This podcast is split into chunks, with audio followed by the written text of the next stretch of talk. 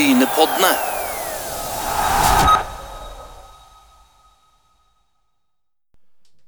Hei, hei. Det er Øystein Nygaard du hører på, og Asgeir Ueland. Det er Brynepodden du har funnet på din Spotify-spiller, eller der du hører din podkast. Og i dag, eh, i denne podden, så skal vi til både mor og sønn. Og det er ikke så ofte vi har hatt det. Det kan du trygt si at vi ikke har hatt så ofte. Så det er får vi høre hva mor og, og sønnen sier, og hva forhold de har mellom seg. Du kjenner jo disse bedre enn jeg.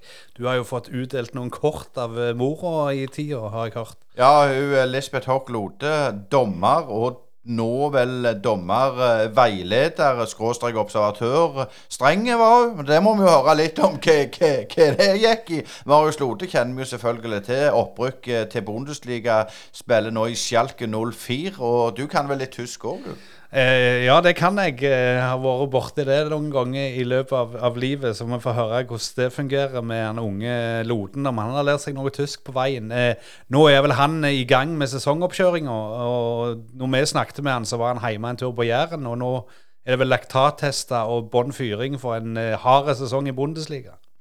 Vi får høre hva de sier.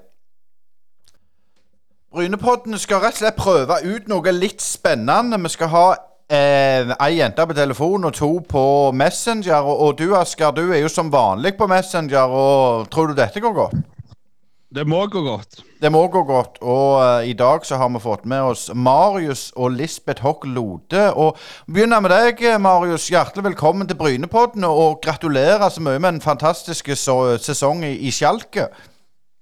Jo, tusen takk for det. Det var kjekt å få være med.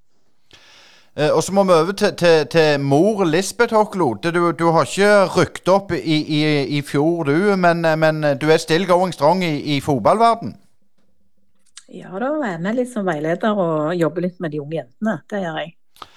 Eh, men vi må over til, til deg, Asgeir. Eh, du kjenner ikke til så godt til den karrieren som Lisbeth har hatt innen dommergjerning. Hun har vært nasjonal dommer. Og en av de første er det lov å si skikkelig gode jentedommerne i, i Norge? Så, så, og det ikke, kom fra Klepp stasjon? Oppvokst på Klepp stasjon?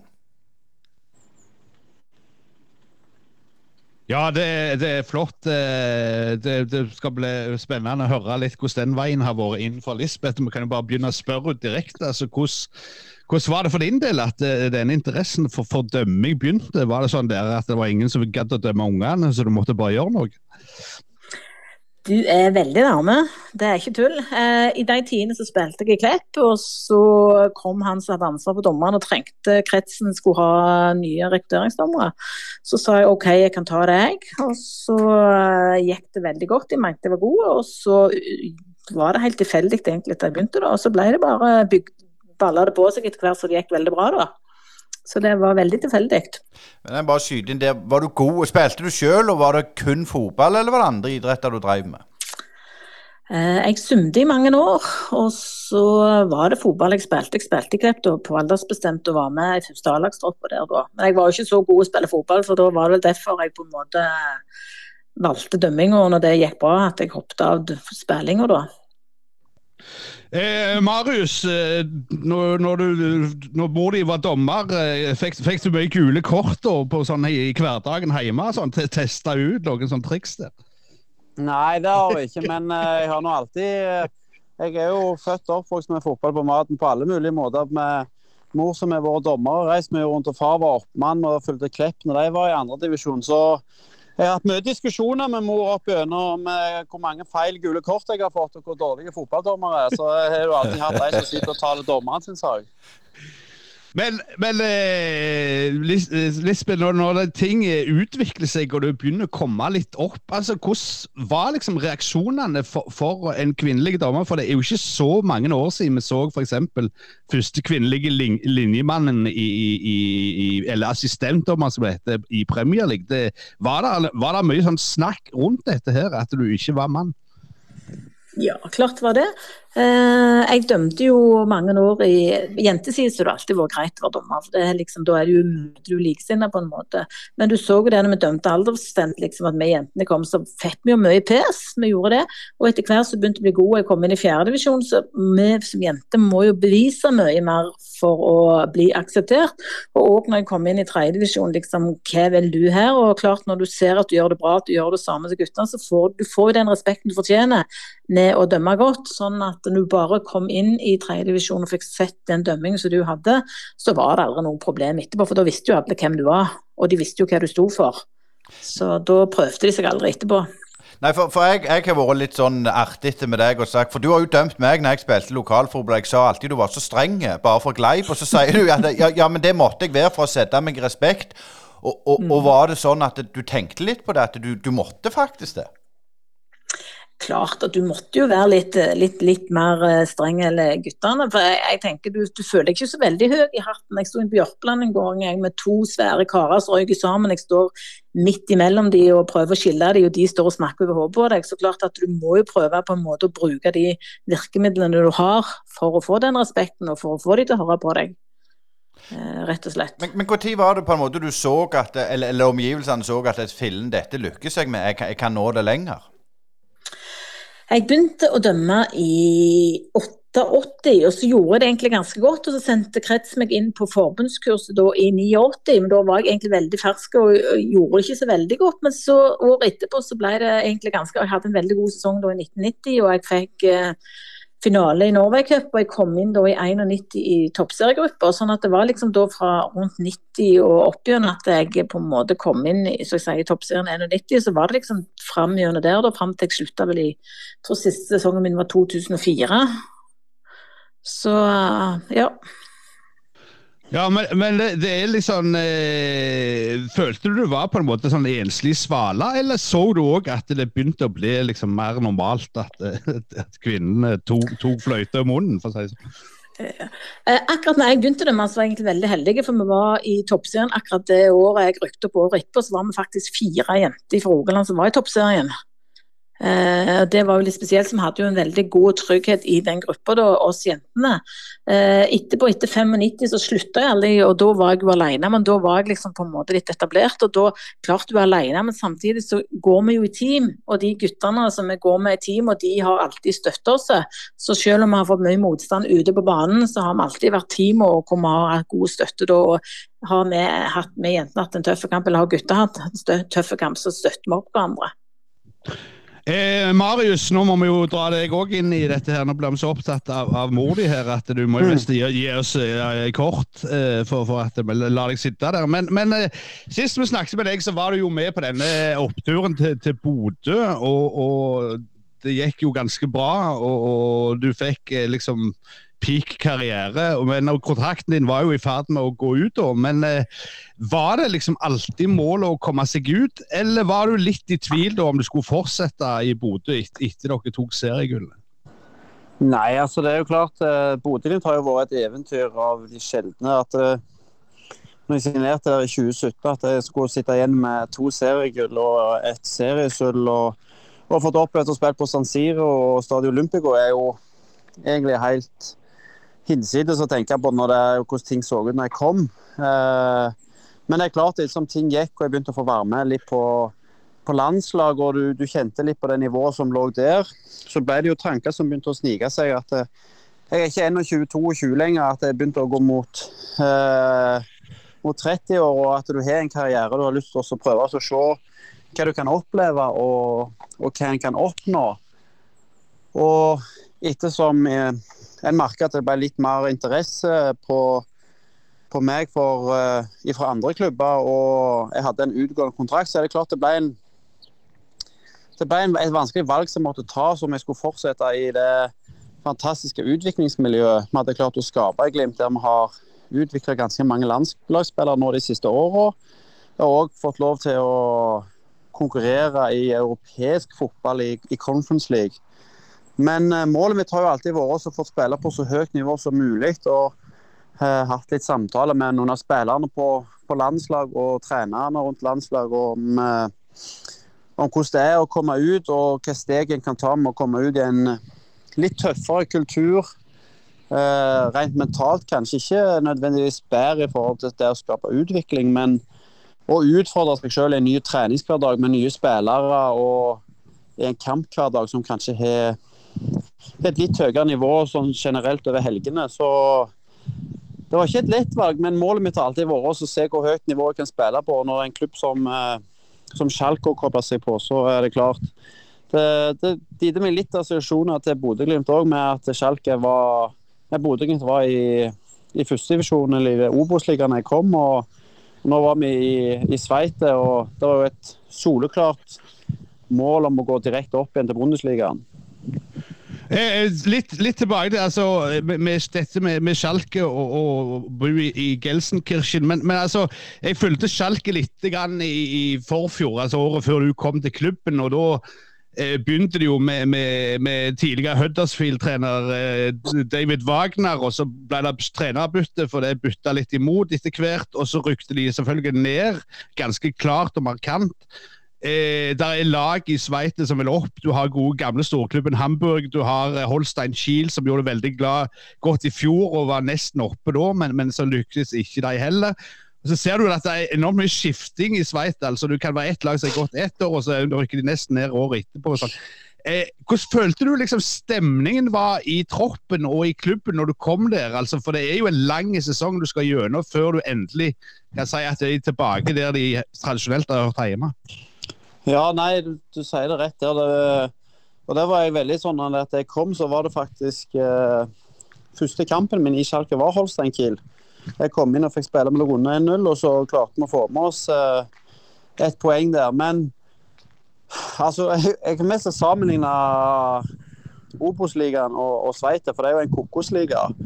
Eh, resultatene er jo Plutselig kan et av båndlagene vinne 4-1 mot et av topplagene i Sveite. og Uh, mange av disse lagene som er i andredivisjon eller i Sveits, får ofte med seg et momentum i en sesong. For eh, fotballen i Sveits er ikke noe sånn her eh, fantastisk å se på til tider. Det er mye kriging, mye lange baller, mye springing. og Det tror jeg gjør òg at forskjellene mellom lagene et par ganger blir på enkeltspillerne. At de større lagene klarer å hente inn spillere som klarer å avgjøre kamper. og det merka du når jeg kom nå i, januar til Schalke, så var det tydelig at vi skulle opp. Men det var en veldig nervøs eh, stemning både blant Og du kunne merke den spenninga som var i, i støtteapparatet og blant spillerne for å Nesten litt redde for å mislykkes i og med at det var så tydelig at, eh, at vi skulle prøve å rykke opp igjen.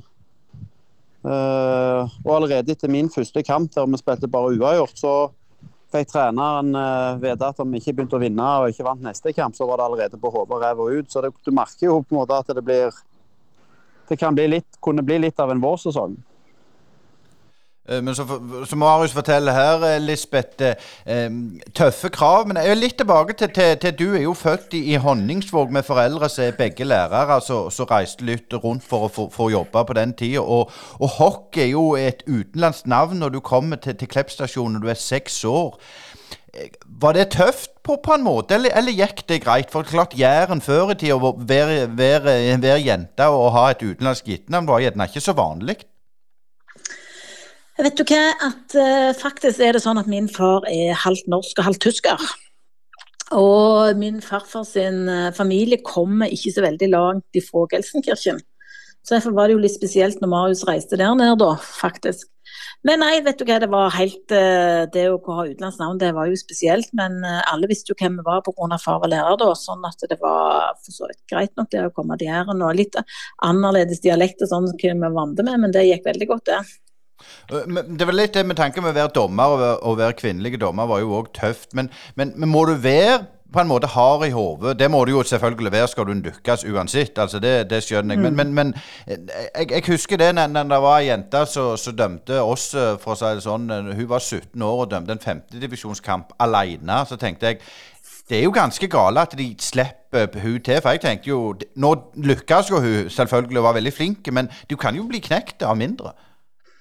Ja, klart. Dessverre så er det sånn, at, men det gjelder både jentene og guttene. Det er for mange tullinger som er der ute som på en måte ikke tenker over hva ansvar de har overfor disse unge jentene og guttene som kommer. Så klart at det er ikke noe bra. Det, det er jo noe vi jobber veldig mye med òg, og det har blitt veldig mye bedre de siste årene i forhold til hva vi starta å dømme. Holdningsendringen mot dommeren den er jo endra, for folk ser jo at vi kan jo faktisk ikke fungere uten dommer. Uh, og jeg vet, uh, litt spørsmål til, til, deg, Marius, at du likte jo aldri når du, når du ikke var Marius. Du var, du var uh, sønnen til, til Lisbeth. Og Når var det du på en måte klarte å komme over den bøygen at nå var du Marius? Nei, altså, det er jo klart når, når mor har vært Fifa-dommer og internasjonalt, og jeg har vært hengt slepp med mor på treningsleir i La Manga siden jeg var seks-sju år gammel Men altså, det er jo klart det er jo gøy når det er at mor di har et navn, men du vil jo òg gjøre et navn. Du vil jo gå under å være Marius, ikke alltid være uh, sønnen til eller noe sånt. Men uh, jeg vet ikke helt når en begynte å kjenne sånn på det. Men uh, jeg er nå veldig glad for jeg har fått lov til å være med og oppleve såpass mye med mor og de her og far med fotballen. Men jeg er nå veldig glad for at jeg har fått, fått oppleve mye for min egen del òg. De, de, andre ungene fikk eh, Fifa fotball på dataen, du fikk Fifa referee på dataen. Eh, det, det var jo ikke så gale. Men, men eh, Lisbeth, litt, litt, tilbake til deg. Du, du nevnte dette her med, med overgang og endring. altså generelt så blir det jo sagt at folk i dag er snillere enn de var før, og at ungdommen ikke gjør så mye galt lenger. Men klarer du å peke liksom, på en tid der du følte at det kom en slags vannskille, og at det ble liksom helt akseptert samme hvem som dømte? Altså Dommeren var, var, var dommer uansett? Dessverre så er det faktisk litt sånn i dag ennå. At det er mange som ikke liker når jentene kommer. Eh, men det er mye mer akseptert eller hva det var. Men eh, vi har fremdeles de som har litt den holdningen, altså. Men jeg tenkte jeg ville gjerne dratt en historie den med Marius sier når Marius ble Marius, ikke bare eh, sønnen min. Han, jeg tror det var han dømte faktisk i Obos, eller spilte i Obos med Bryne, så var han så forbanna for han kom hjem fordi han hadde fått gult kort av en dommer i Bergen en bergensdommer, og så hadde han sagt vær så god, her er det gule kort, og helst hjem til mor. Husker du den situasjonen, Marius? Ja. Da var han skikkelig forbanna når han kom hjem, for det syntes han var fineste frekt gjort av dommeren. og En ting var det gule kort, men på toppen helt også frekk og sa han måtte helse hjem. Da syntes han ikke det var noe særlig. men du slipper det i Tyskland, Marius? Ja, det gjør jeg heldigvis. men, men eh, kan, du, kan, du, si litt, Marius? Du begynte jo å snakke litt der om sesongen i fjor. At eh, du, du fikk en, en hard debut, debut, og at det er litt så, som Obos. Men, men så rent sånn nivåmessig, overgangen fra da topplaget i Norge til, til topplag i Sveits eh, hvordan, har det vært? Altså, hvor, mye, hvor mange hakk opp måtte du skru opp eh, kroppen for, for å henge med? Nei, så Rent fotballmessig så, jeg, så er det sånn fotballtaktisk og, og sånn her, så vet jeg egentlig ikke hvor stor forskjellen er. Men det, det går jo veldig mye på hvor tette alle kampene er, og hvor mye det, mye det kriges. Men uh, du ser jo at mange norske eliteserielag ofte kan hevde seg i noen uh, europeiske turneringer når de først får lov til å prøve seg, men det er veldig neglisjert på en måte. og norsk fotball blir egentlig Nå skal jeg jo snakke opp norsk fotball litt, for eh, Norsk fotball synes jeg egentlig har fått litt sånn ufortjent mye kritikk mange ganger på at det ikke har så høyt nivå. Det at du kan se på, på, du kan se på Sverige og du kan se på Danmark at det er så mye bedre der. Men når jeg merker når jeg kommer ut nå til Tyskland òg, sånn, så er det egentlig mer selvtilliten til mange av fotballspillerne hvor gode de sjøl eh, tror de ofte er. Iallfall når det at jeg var i Sveits. For det er ikke noe sånn at nivåforskjellen var så ekstremt mye høyere. Men du merker jo at det, eh, alle spillerne har en helt enorm eh, på seg sjøl. Og eh, er nesten verdensmester uansett hva de får til i løpet av en fotballkamp. Og eh, Den holdningen er vel kanskje noe vi nordmenn om å kanskje begynne å tillegge oss litt mer. At vi har lov til å, når vi først er gode, begynne å tro at vi er, vi er gode. For en får mye av akkurat det der greiene rent mentalt. Men det er klart eh, Tempoforskjellene det er egentlig det jeg la mest merke til. At det er et enormt trykk i kampene over 90 minutter. Og folk eh, Selv om kampen ser egentlig helt ferdig ut, så er det, er det viktig å stå på ut kampene. For det, her er det spillere som kan avgjøre på et lite sekund mange ganger. Og hvis en ikke er på da på slutten, så får du plutselig en eller to i sekken. Men, men eh, du snakket jo sist om, om, om han mentaltreneren, han gamle jagerflypiloten dere hadde hatt i Glimt og sånn. Det der, den der følelsen av å føle at vi er gode du, altså, du sier jo, Dere spilte jo på San Siro, og det, det, det, dere leverte jo i Europa og, og alt dette her. Eh, gjorde det noe med, med gjengen i Bodø òg, at dere plutselig kommer til Italia? Det er ikke sånn der han, ja, vi taper vi bare 4-0, så er det greit, liksom. Dere gir jo gjerne det. Lærte du mye av den prosessen der? Ja, helt klart. Og det som jeg, som jeg har snakket tidligere med han, Bjørn Mansverk, det er jo det at han har ingen bakgrunn fra fotballen. så han eh, Og kan generelt veldig kunne generelt veldig lite om fotball. Eh, så Jeg husker dagene før Milan-kampen når vi samla oss eh, rundt et, eller i en ring med som er med i Bjørn-gruppa. Da var vi vel en ti-tolv stykk. Og så hadde vi hatt, først hatt enkeltsamtaler, og så tar han opp et par av de tingene som han hadde fått høre i, i enkeltsamtalene med, med hele gruppa, om at noen var nervøse, noen gleda seg veldig. Så spurte han bare et spørsmål, men er det ikke en fotballkamp med 11 mot 11, og det er bare folk som springer utpå her og tjener veldig mye penger og får enormt mye respekt for det at de heter Milan? Og Bare det spørsmålet, når du får det, så begynner du å tenke hvem, hva er det han mener for noe. Det er, det er jo sjukt gode fotballspillere. Men samtidig så ligger det jo veldig mye i det der å ufarliggjøre det og vite at en skal faktisk tross alt bare spille mot, mot andre spillere, ikke tro at de er så vanvittig mye mer. For med en gang en begynner å si til seg selv at en ikke er god nok, og at de er altfor mye bedre enn oss, så starter du allerede med 1-2-0 i sekken. Og vi ble enige om den dagen at når vi går utpå der i morgen, så skal vi bare gå ut og spille den fotballen som eh, som vi står for. Vi skal ikke gå ut der og prøve å få et hederlig resultat og reise hjem og ha spilt en drittkamp, men bare ta 2-0. Da kan vi like så godt ha prøvd å spille så godt vi kan og tape 4-5-0, sa han. For da har han iallfall prøvd å holde til seg seg sjøl, og han har egentlig ingenting å tape på det. Og det følte jeg jo Når du ser når vi går ut mot Milan og når vi gikk ut mot Roma og spilte mot dem, så er det ikke noe å si hvem som står på sidelinja. Du går ut og har den samme truen.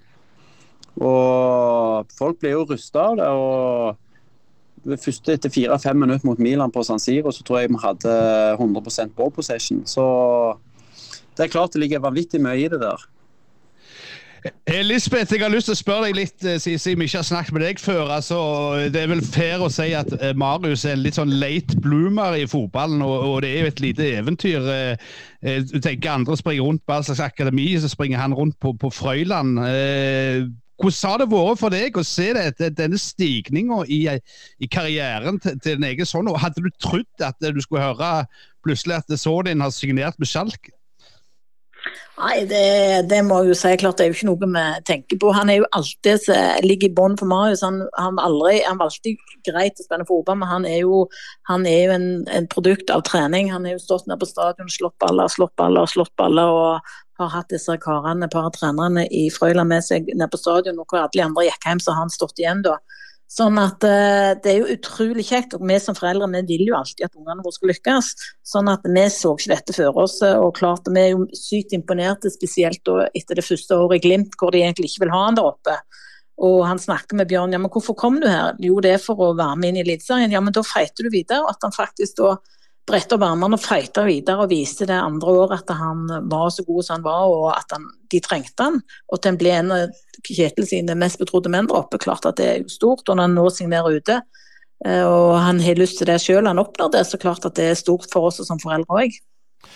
Men når du er inne på det, nå er det jo andre i familien òg. Hvordan er det? For, å spørre en far, så er det alltid sånn at ja, han er en av mange og så, sånn og sånn. Men med deg som mor, eh, resten av familien, blir det mye Marius-snakk? eller, eller, klarer dere liksom holde, holde familien samla?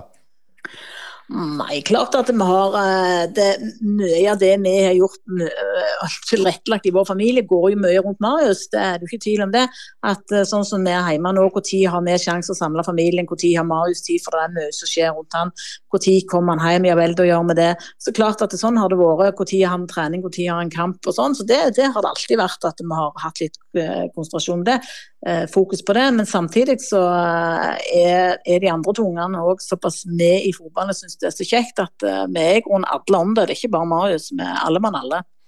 Litt tilbake til det som Marius sa til deg, Lisbeth, med tanke på det å tro du er god. Altså, det er jo litt sånn Ola, Ola Nordmann og, og janteloven at vi skal ikke tro vi er noe. Men det er klart, når du har vært dommer, og så tenker jeg litt på det Jeg bruker meg sjøl som eksempel. Du, du har vært Fifa-dommer, og du skal ned og dømme Kåsen mot Varhaug, og så står der en sånn en som meg så på sida, eller som spiller. Og, og æreskjeller deg, og, og, som regel så er det jo feil, altså de kan jo ikke reglene. Men, men blir du ikke drittlei da? Eller blei du ikke det, da? Nei, du må jo, det, det handler jo om du er jo aller bedre eller svakest ledd. Så du må jo på en måte tilpasse deg der du er. Sånn at Det nytter ikke å komme med en arrogant holdning på kåsen, for da er det jo tap før du starter. Sånn at du må jo komme deg ned på det nivået som de òg er, og så prøve å være med på å treffe dem på det nivået. Men var ikke det sånn vanskelig? Det skal bli en Nei, i grunnen ikke. For det, hvis du tenker sånn, lokalfotballen var jo mer hverdag enn det at du var ute og reiste. Sant? Ja, vi var ute og reiste en del, og sånn, men likevel så var det jo hjemme og dømming hjemme som var hverdagen vår. Så det gikk helt fint. Men klart det er jo mange lure folk rundt forbi det, det kan du ikke stikke under stol. Men, men og det er jo ikke alltid like skarpt det som kommer. Nei, det er sant. Men, men følte du, nå, nå, skal jeg ikke henge ut klubber, men, men, følte du at det var noen klubber og noen personer som var gjengangere gjennom de åra? Ja, det var det et par. Det må jeg innrømme. Og det, det, var, det, det var noen si, som likte deg så godt. det var ikke deg, Asker, for da var ikke du her. Nei, jeg, eh, men, jeg la Ja, Lisbeth. Det er Samtidig så kan du spørre Marius òg at når de eksempel i, når han uh, spilte Eliteserien forbi, så er det jo alltid noen dommere de har mer respekt for enn andre. Sånn vil det jo alltid være da. Uh, hvis du tenker sånn. Så det, det er helt greit. Men, eh, men eh, Lisbeth, eh, kan jeg, kan jeg, bare spørre deg litt om, om status eh, i, dommerlauget for tida? For, for eh, en ser jo der er jo noen som er godt over 70 som av og til må ut og, og ta, ta, opp fløyta og så, så, videre. Er det liksom problem med rekrutteringa, og, og, og, på kvinnesida der? Er det, er, det, er det, færre jenter, eller er det flere som, som tar opp fløyta? Uh, vi sliter. Vi har som vært de andre årene koronaen som har gjort at vi mista veldig mange av de kanskje litt eldre karene som har gått og tatt veldig mye kamper. De har vi mista. Pluss at eh, det har blitt mer fokus de siste årene på fysiske tester og bestå testene, og det er det ikke alle som har vært like glade for. Sånn at man mister òg noen for det. Sånn at vi trenger mer rekruttering. Vi sliter med å dekke alle de oppgavene vi ledige oppdrag og se det gjør vi. Og det går jo eh, kurs arrangert jevnt og trutt for å prøve å få nye, men vi skulle gjerne ha tilbake noen av de med litt erfaring som kan bidra òg. For det er ikke tvil om at de nye kan ikke gå inn og ta alle de kampene som de gamle erfarne kunne gjort.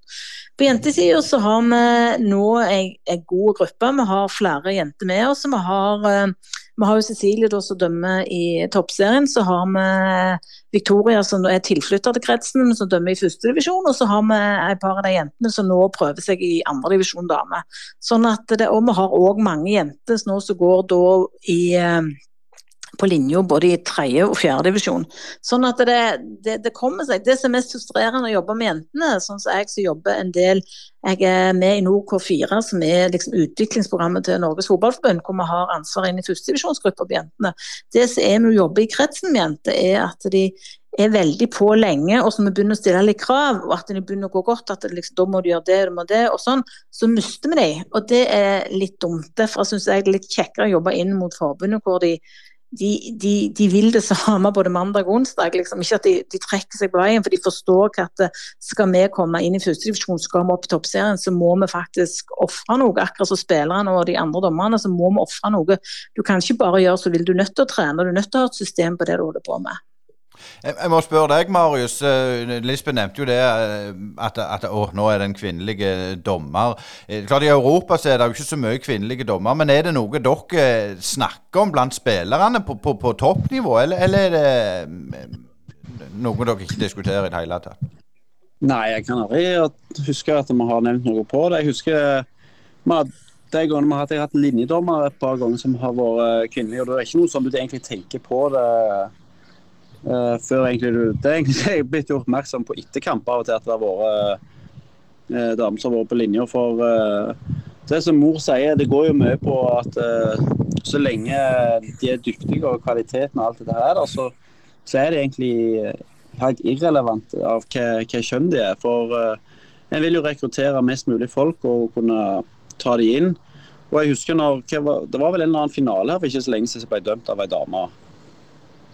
Ja, det stemmer. Ja, det var, det var, ja, det var hun franske, var ikke det? Eller hvor var fra? Ja, stemmer det. Hele jentetrio var der.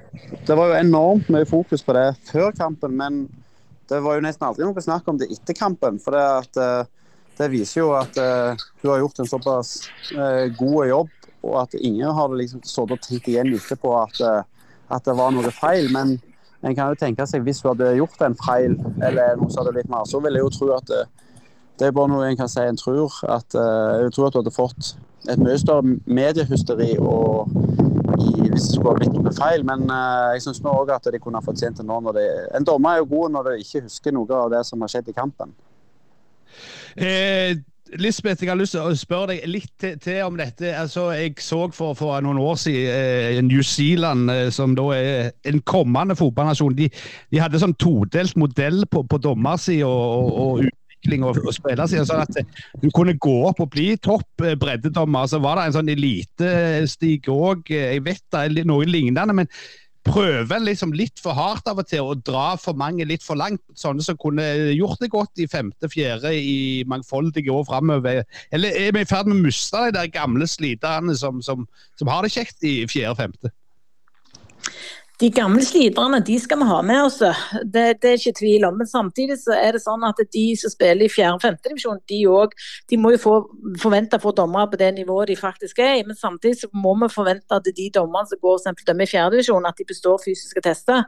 Sånn at de òg må jo faktisk, de som er i fjerde divisjon, de trener eh, noen ganger i uka. Det må jo faktisk dommerne òg gjøre. Sånn at eh, vi kan ikke bare ha, ha de med for å ha de med, de må òg kunne bestå de testene som faktisk eh, blir satt opp til dem.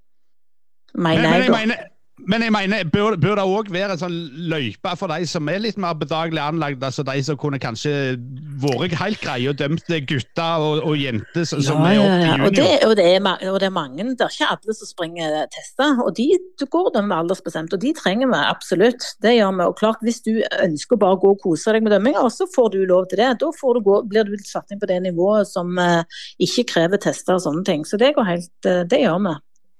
Eh, Når det gjelder tester for deg, Marius, så er det klart når du kom til tysk fotball, var det noen stor forskjell på dette med, med sport science, så, som har hatt en del om i denne Brynepodden. Er det stor forskjell på det å være proff i Tyskland og, og i Norge?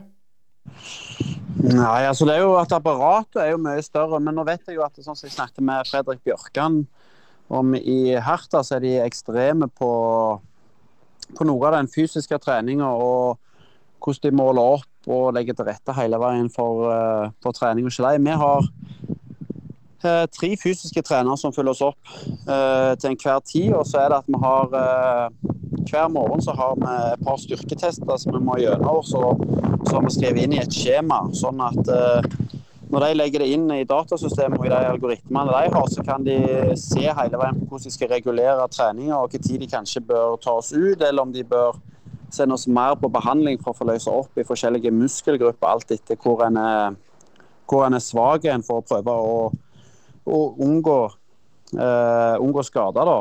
Uh, ellers er det veldig mye likt som i Norge. Det er jo eh, bare at du har mye Fasilitetene gjør jo at en kan, kan gjøre litt mer, og at en har mye mer folk til å kunne fylle oss opp hele veien. Men eh, på mat og kosthold så har det ikke vært noe sånn spesielt mye mer enn en vi har hatt i, i Bodø iallfall.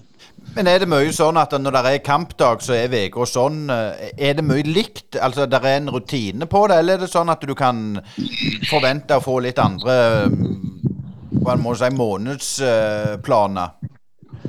Nei, altså det er den faste vanlige ja, som en er ganske vant med egentlig fra Norge av. At du, du vet nesten hvordan de forskjellige treningene er eh, hver dag, og så for å bygge seg opp inn mot, mot kampene. Eh, det eneste forskjellen her egentlig er nesten at en eh, trener veldig hardt dagen før, eller ikke veldig hardt, men en kan trene hardt og lengre dagen før kampen. eh, Vant det med, vant det med i Norge, der vi kanskje trener hardt inn mot kamp, og så dagen før så slipper en veldig opp eh, for å gjøre det. Og når jeg snakket med Patrick om hvordan de har i Frankrike, så er det nesten sånn at ikke alle spillerne er ute på feltet dagen før camping. og Da er de bare litt i gymmen og sykler og får litt behandling og trener bitte litt styrke.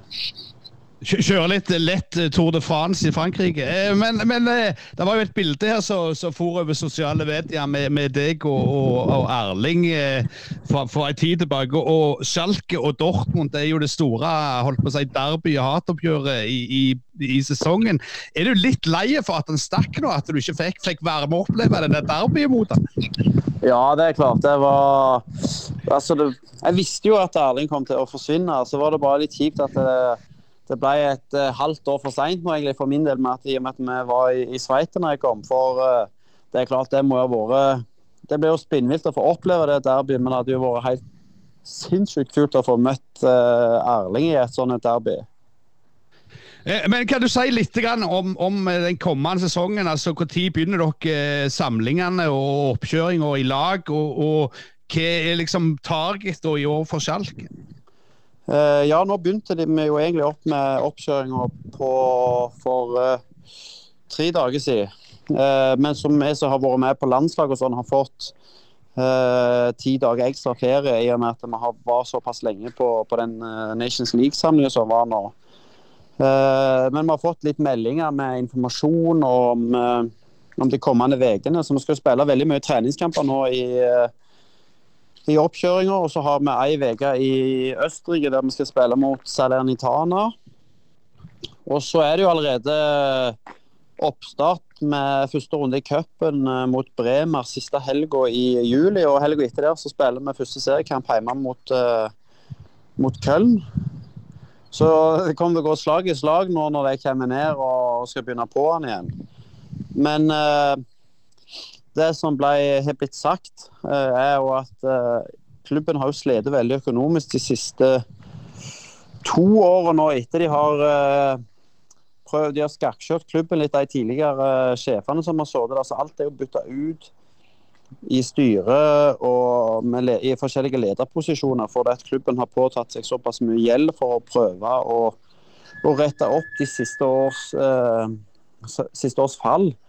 Eh, og Det har gjort at en eh, har prøvd å hente inn noen spillere som både var på lån i fjor, som de ville ha med seg videre, men de rett og slett ikke har hatt økonomi til, å ta med seg videre. Så det har gjort at eh, målsettingen for klubben i år er å prøve å gjøre seg til en, en stabil Bundesliga-klubb igjen, der de kan få kontroll på økonomien og så heller se om vi kan overraske på en best mulig måte med å skape et godt kollektiv. Eh, Lisbeth, det har jo vært et par, par år der det hadde vært veldig begrensa hvor mye en kan eh, farte rundt i, i land og strand, eh, men nå er det jo eh, tilsynelatende åp- åpent igjen til, til fri ferdsel. Eh, Hvor, hvor ofte blir du i Gelsenkirchen i kommende sesong?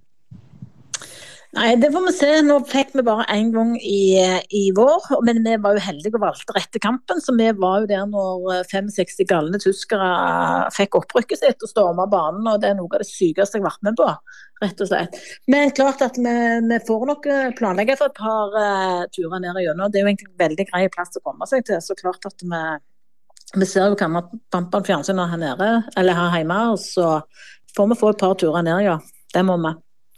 Eh, Litt eh, til slutt fra, fra vår til, Marius. Eh, Du, vi hører at det blåser litt, og at du er i, i eh, skulle til å si i vårvind, og du er ikke det, men du pusser opp litt leiligheter og sånn. Så, så du har, eh, du har ikke endra livsstil så mye, selv om du er blitt profesjonell fotballspiller. Men, men er det mye styr med Erling, og de spør deg om det, eller?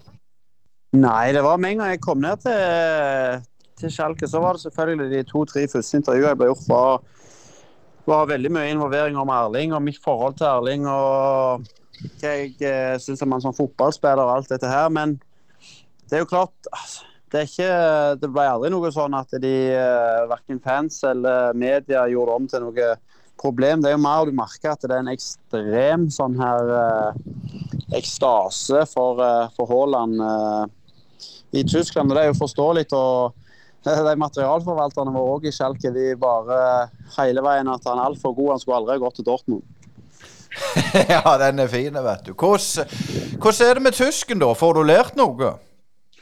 Ja, så jeg kom litt seint i gang med, med tysklærer. av- Vi har vært veldig strenge med korona når jeg kom ned, som gjorde at vi ikke fikk lov til å til å komme i gang med tysklærer, og klubben var litt seine med å fikse, fikse meg en lærer på Men eh, de siste to månedene nå før jeg reiste hjem igjen på ferie, så fikk jeg kommet i gang og prøvde å lære meg litt. Men jeg syns nå det er et vanskelig språk å snakke, men veldig greit å forstå mye av det. Så det meste foregår jo på tysk i garderoben, så jeg må nå bare ta, altså, suge til meg læring og lære fort. For uh, fotballspråk er jo universalt, men det er jo litt fint å henge med i samtalene med spillerne rundt, uh, rundt middagsbordet òg. Absolutt. Men, men det litt som som Lisbeth sa, klart det, det, det, du har en bestefar som er halvt tysk og sånn. Føler du at du har kommet greit inn i gruppa og trives i, i landet, eller, eller savner du Frøylandsvatn, er det meste sagt? Nei, altså du, det har gått veldig fint. Det, det. det var jo en veldig stor omveltning som flytta ut til Jeg er jo en uh, fyr som liker uh, når jeg får det trygt og godt og har vennene mine rundt meg. og Det var tungt å flytte til Bodø, det var tungt å flytte ifra Bodø og komme til Tyskland. Men uh, det, det er nå det å venne seg til å komme inn i, i gruppa og få kulturen, så har det gått, gått egentlig ganske fint. Det har det. Så nå er det jo bare å prøve å å få litt av den tysken på plass, sånn at jeg kan briljere med litt ferdigheter der òg, sånn at de kan bli litt overraska. Det er bra. Tusen takk for at du stilte opp, Marius. Vi skal snakke litt mer med Lisbeth, så du må, du må hive deg i malingsspannet. Og tusen hjertelig takk for at du stilte opp i, i Brynepoddene, Marius. Bare hyggelig. Det var kjekt jeg få være med, så får dere kose dere videre.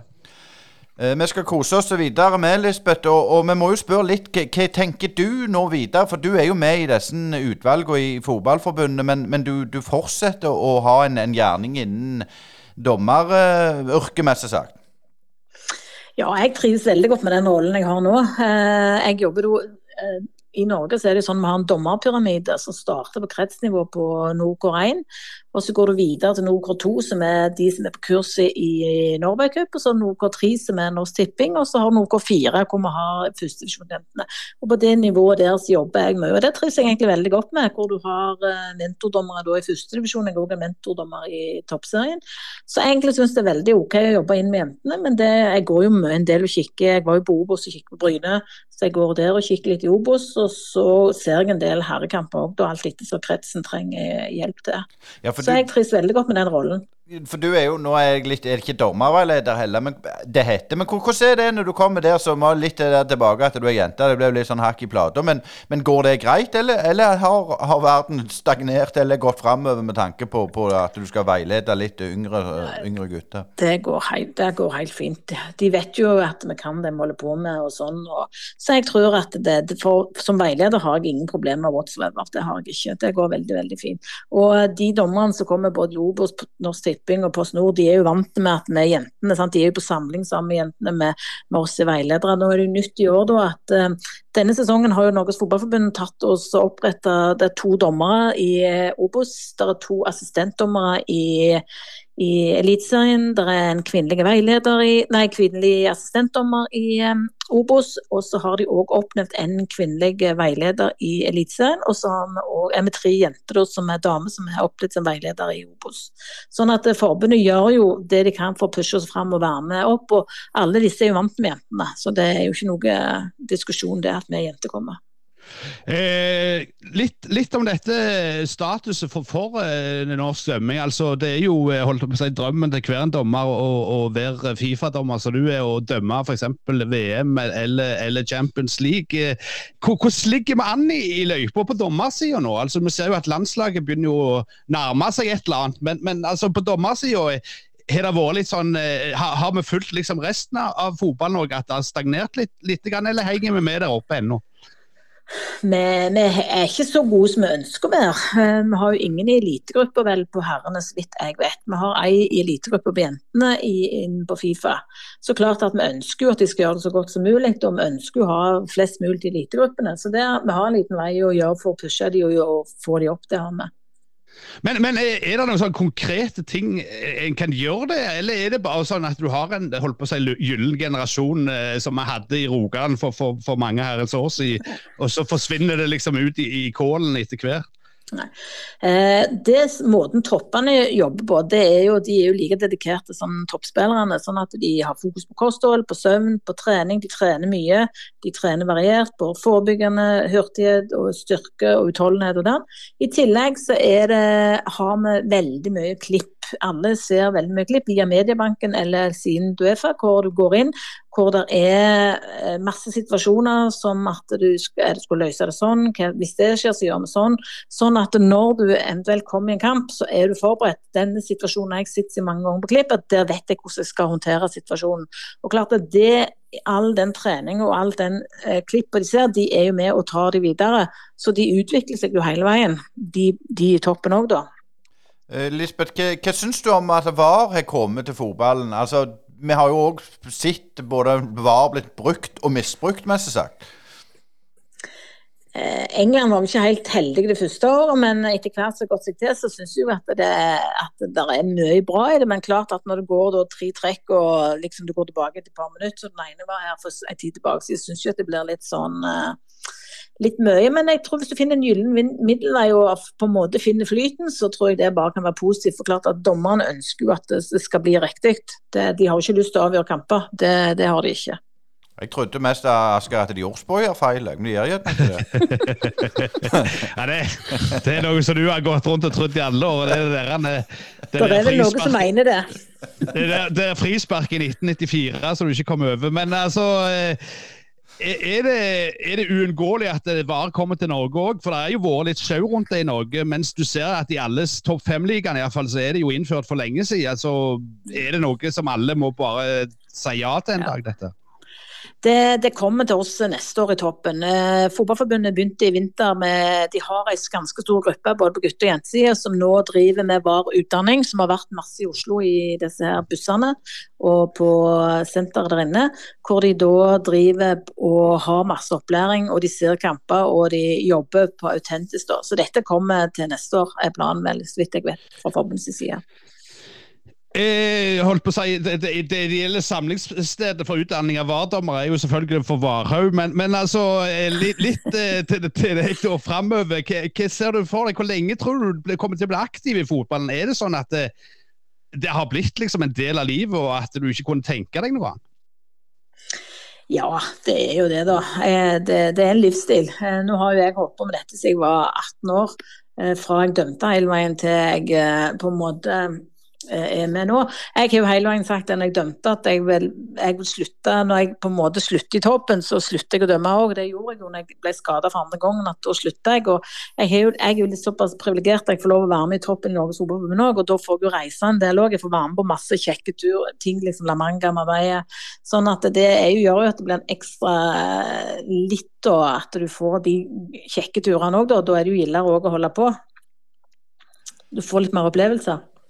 Ja, Nå har vi hatt uh, utrolig kjekke opplevelser med både Marius og, deg, Lisbeth. Og um, tusen hjertelig takk for du stilte opp i Brynepodden i en, hverdag, uh, i en travel hverdag for deg òg, Lisbeth. Og vi skal følge Marius og deg framover i Brynepodden. Og tusen takk igjen, Lisbeth Hokklode. Bare kjekt. Ha det bra. Brynepoddene de har vært ute på dommeroppdrag i denne Brynepodkasten. Og ja, skal, du vet, Lisbeth sa det nå, at, at den, den, dommeren som ga Marius Lode, var ifra Bergen. Og nå har jeg funnet ut hvem det var. Ja, du har det? Du ja. har vært og gjort litt research? Ja, jeg var jo i Bergen for noen uker siden, vet du. Og da kan jeg si det var Toppe som ga Marius Lode. Så til deg, Toppe, vel done. Kjempebra jobba. Uh, det er alltid godt med gode historier etter, etter kampene. Og ja, Marius han uh, går i fatt med en ny uh, sesong, denne gang i Bundesliga. Ja, det er, Marius Lode er jo et fantastisk eksempel på det de kaller for en late bloomer, som liksom har jobba seg opp. Eh, i den tragedien som vi hadde her i Bryne, når han måtte stå over en sesong og kom til Glimt og blomstra voldig der, og nå har tatt steg og skal spille i Bundesliga. Det er, jo, det er jo en liten drøm, og kjekt å høre at han er født på jorda og driver med noe oppussing mens han er hjemme òg. Og det er klart Mora og, familien følger med. Og, og, og, jeg vet jo det at Marius irriterer seg jo ennå litt over dette. At, at, at, at mora var så gode dommer både i Fifa og Uefa. Men han har vel sett hun litt i skyggen nå? Ja, det vil jeg absolutt si. Og som jeg som var inne på òg, det var jo litt synd han ikke fikk den der sesongen mot Erling. For det er jo et hatoppgjør mellom Dortmund og, og Schalke 04. Og, og det hadde vært litt artig å sette de to jærbuene mot hverandre der i en kamp, men det får vi dessverre ikke se nå. Men det ble jo tøffe tak. Han, han sa jo det at klubben har jo slitt økonomisk, og det, det blir nok ikke noe sånn krusing gjennom sesongen for Schalke heller. Nei, Vi må gjerne ta en tur ned og se hvis det er mulig. Det er jo ikke så langt fra, fra noen av oss. Det er det ikke, så vi får se hvordan vi ligger an ute i, i vinteren. Det er ikke da det er fint å komme seg vekk herfra når alt er mørkt og trist og grått. Og nå går vi jo mot mørkere tider uansett, selv om vi er ute i fellesferien, Øystein. Det gjør vi, og det var utrolig bra av Marius og Lisbeth Hock Lode å stille opp i Brynepoddene. Takk begge to. Og tusen takk for at du hørte på. Tips oss gjerne med gjester. Vi setter utrolig pris på det. Og husk vår uh, nye ja, nye slash uh, oppjusterte hjemmeside på brynepoddene.podbean.com.